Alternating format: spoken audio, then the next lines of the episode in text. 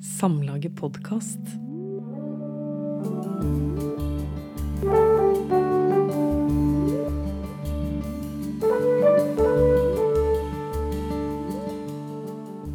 Hei, Anne Helen. Hei. Eh, Velkommen til Samlagets podkast. Tusen takk. Jeg har vært så heldig at jeg har gått eh, med deg fra bondeheimen og bort hit til Samlaget. Vi bor selvfølgelig der som gode bønder i byen. Eh, vi skal snakke om ungdomsromanen Jeg blir her, og det er en roman om 16 år gamle Oda. Hun bor på ei lita fraflyttingstrua øy på Vestlandet, og må reise med ferje til ei litt større bygd for å gå på skole og for å handle. Der bor òg den litt eldre kjæresten Sondre, og allerede på første side av romanen forstår vi at han har lyst til å ligge med Oda. Kan du lese noen linjer fra første kapittel? Ja. Vi sitter nede på stranda og ser på måkene som flakser utover sjøen, drar inn lukta av tidlig sommer. Det kommer en kjølig vind fra fjorden, men Sondre sitter så nær at jeg får varme fra kroppen hans. Han legger armen rundt meg, presser leppene mot halsen min, så hardt at jeg nesten ikke får puste. Jeg trekker meg unna. Han blæser meg forsiktig i nakken. Det kitler. Du er så fin. Jeg reiser meg og plukker opp en liten stein, hiver han ut i vannet, som sluker han med et skvulp. Vis meg hvordan de får steinen til å sprette, sier jeg og gir en ny stein til Sondre. Han kaster steinen sidelengs ut i vannet. Steinen hopper tre ganger bortover, før han forsvinner di. Så tar han begge hendene mine i sine. Det der kommer jeg aldri til å klare, sier jeg. Sondre nikker bare, trekker meg helt nær og kysser meg. Han drar fingrene gjennom håret mitt, sender ilinger nedover ryggen. I det siste har kjærtegnet hans begynt å bli litt annerledes, modigere. Han nærmer seg stadig oftere bh-en, stryker meg rundt puppene. Emma sier at det er fordi han har lyst til å ligge med meg. At alle gutter begynner slik etter ei stund. Ja, sånn er det vel. um, og det å skulle ha sex for første gang, det eh, er et ganske viktig tema i denne romanen. Og eh, som vi hører her òg, altså at Oda nøler og trekker seg unna hver gang Sondre prøver seg. Mens venninna Emma er veldig opptatt av sex, Mm. og ser fram til å ha det for første gang. Men hvorfor er Oda så avventende? Nei, det er nå fordi hun Hvor mye jeg skal røpe? Nå ble jeg litt sånn Ja, hvor masse skal du røpe? Du kan jo si litt om det, da. Ja. Um, nei, det er nå fordi hun er usikker på følelsene sine til den Sondre, da. Eh, de blei på en måte i lag litt sånn Jeg skal ikke si etter press fra Emma, men hun var veldig gira på å få de to i lag, da. Um, ja, så skjønner en oss litt at eh, kanskje hun ikke har så veldig lyst til dette der, da. Ikke med han, da, iallfall. Ikke med han, i hvert fall. Eh, fordi hun har jo òg en annen i hælene, Ja. og det er Daniel, og han bor ikke fast på øya, men er sammen med faren sin på øya hver sommer. Mm. Oda syns at han er frekk og påtrengende, og at han oppfører seg som en stalker. Stalker. Nå lurer jeg på, for du vet jo mye om ungdommer, sa jeg det rett? Nei, jeg veit ikke helt sjøl, da, men jeg, jeg sier stalker, da, men jeg er ikke ikke sikkert ungdommene bruker det uttrykket. vi, vi får satse på at du er inne med lingoen til ungdommene. Men hva er det Daniel gjør som får eh, Oda til å mislike han sånn? Nei, Han er veldig frekk. Eh, han dukker opp overalt der hun er, og han sier på en måte hele tida eh, de gale tinga, eller tinga som gjenger rett inn i dette her, eh, hva skal jeg si, irritasjonsmomentet med henne, da. Eh, han, han utfordrer henne veldig på, på dette med ja, Jeg vet ikke hvordan jeg skal forklare det, men Men hun vil jo gjerne bo på øya, og det utfordrer han Ja, på. ja. han, han, han plager henne veldig mye med dette, da, og skal du vaske dassen resten av livet, skal du være stuepike, og skal du bli eh, si, deprimert dranker, du også ta og bo på, på denne øya eller bygda. Mm. Ja. Så han går rett på hennes sårepunkt, såre punkt, rett og slett. ja. Men, men det, eh, det er ei scene i boka der han eh, har fulgt etter henne inn på eh, der hun er. For hun er stuepike på hotellet på, på øya, og så har han Mm. fulgt etter henne. eh, og gjemt seg oppi badekaret som hun skal vaske. Og sittet der inne og liksom sett på henne fra bak forhenget. Mm. Og når hun skal vaske badekaret, så får ikke hun dratt forhenget til side. Og så viser det seg at eh, eh, han sitter oppi der, og, og så ler han av henne. Mm. Um, så det er jo ikke helt feil å kalle han en stalker, kanskje. Nei.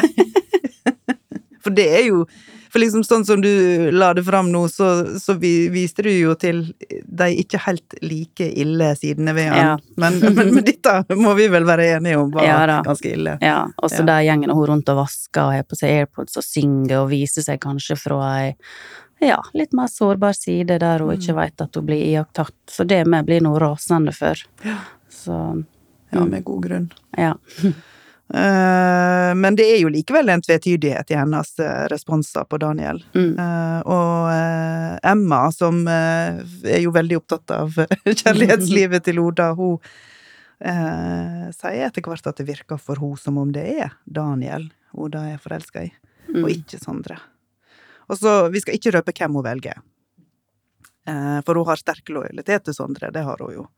Eh, men eh, vi kan røpe at det er sant at hun er tiltrukket av Daniel, og at det er et trekantdrama. Mm.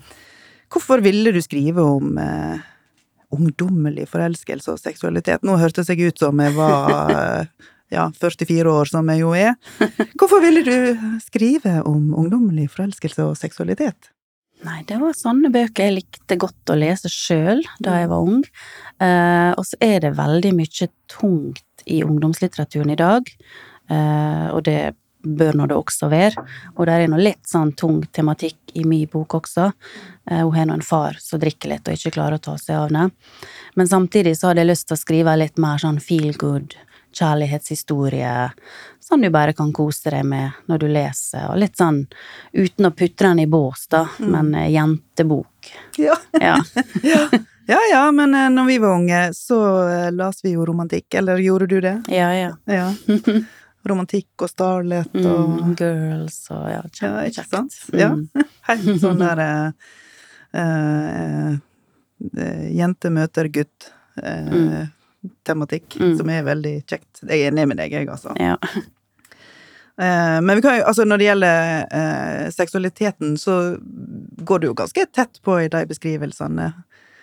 Var det sånn i romantikk òg? Fikk vi så direkte Nei, Først fikk noe enda mer direkte. Ja. eh, Og fordi at jeg fikk veldig mange sånne romantikkblad fra dattera til ei venninne av mora mi som var en del eldre enn meg, så Mm. jeg gikk bare sånn tredje klasse og fikk disse bladene. Jeg var nå helt sjokka.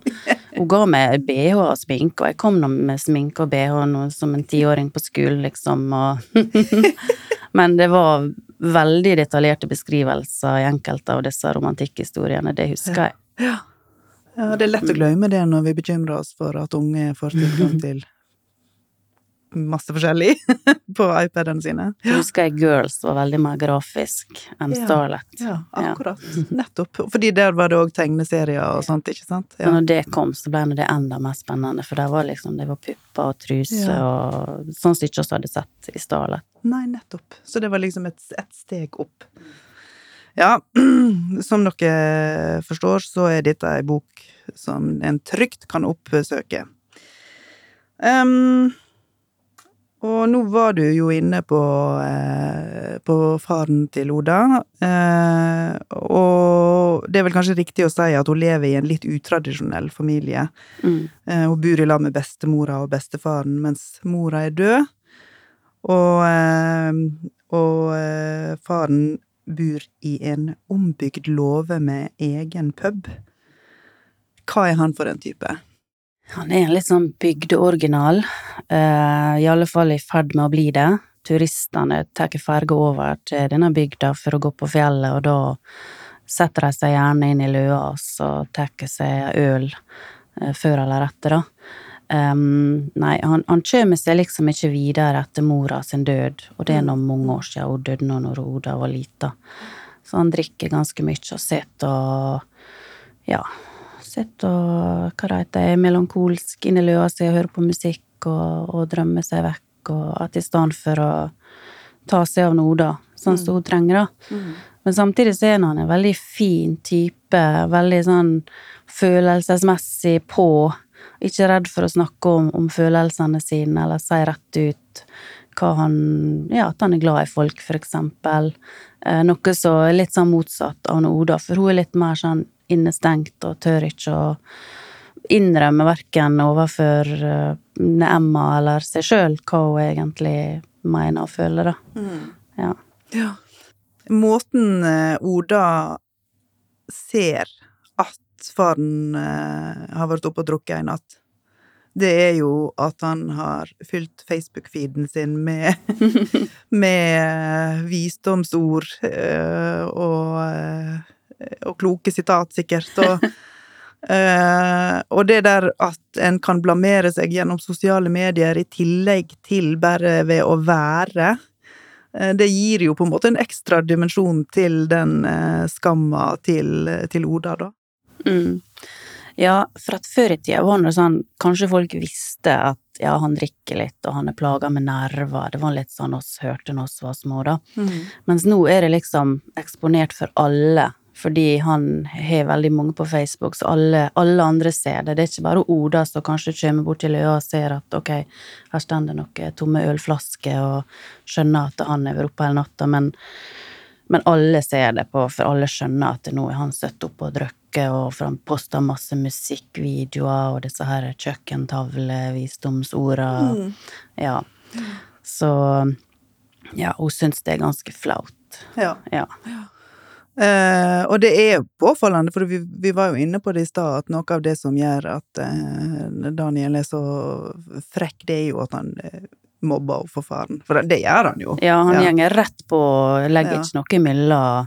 Nei. Mens Emma og Magnus, søskenparet, de er mer sånn De har ikke helt forstått at det er flaut for noe, da, fordi de syns han er kul og Ja. morsom og liker han veldig godt. Ja. Så ja, nettopp Ja. fordi han, som du sier, gidder å snakke med deg om følelser. ja. Ja. Mm. Ja, ikke sant? Um, og det, det der at Daniel liksom pirker i det med varen, da, eh, det tydeliggjør jo òg de ambivalente følelsene som hun har Mm. overfor han. Eh, og de ambivalente følelsene blir jo ekstra påtrengende når, eh, når han, faren, kommer til et dramatisk vendepunkt i, i romanen. Mm. Og så har ikke jeg tenkt at vi skal røpe akkurat hva som skjer. Eh, men vi kan si at hun trekker seg unna når han trenger henne som mest. Mm. Eh, og det er vondt, men kanskje ikke så overraskende. Eh, og jeg lurte på om du ville si noe om det?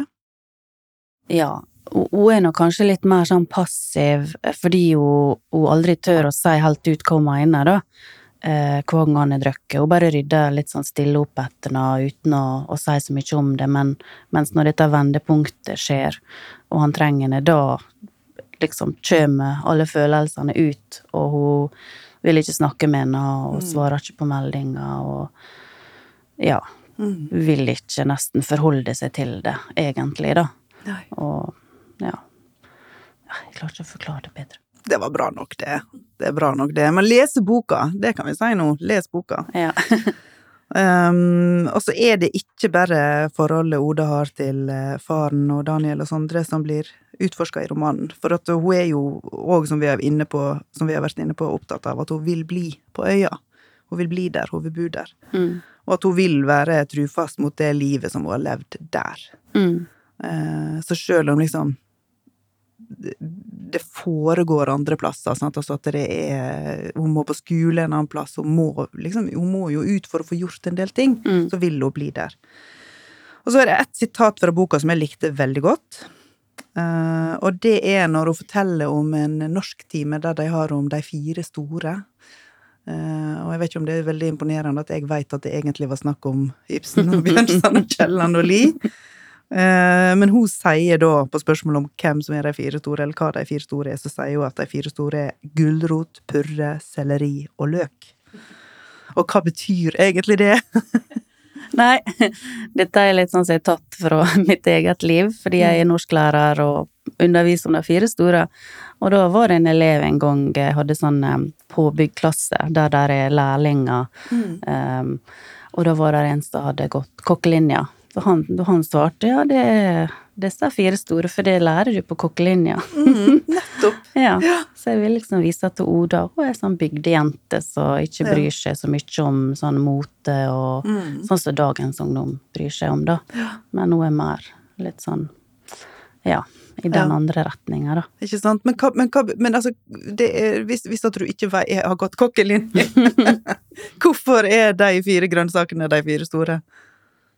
Akkurat det var ikke da, men jeg kan tenke meg det fordi de klar, de er sånn basisgrønnsaker Ja. som sikkert tilfører masse smak, eller at du Ja, Ja, at det kan bli noe bra måltid av dem, sikkert, da. ja nettopp. Ja. ja ja, men uansett. Det er viktig, viktig lærdom, selv om du ikke veit svaret. Um, men men um, hva er det, altså bortsett fra Daniel sine kommentarer, hva er det som utfordrer livet på øya? Altså hennes liv på øya? Det er fraflyttinga.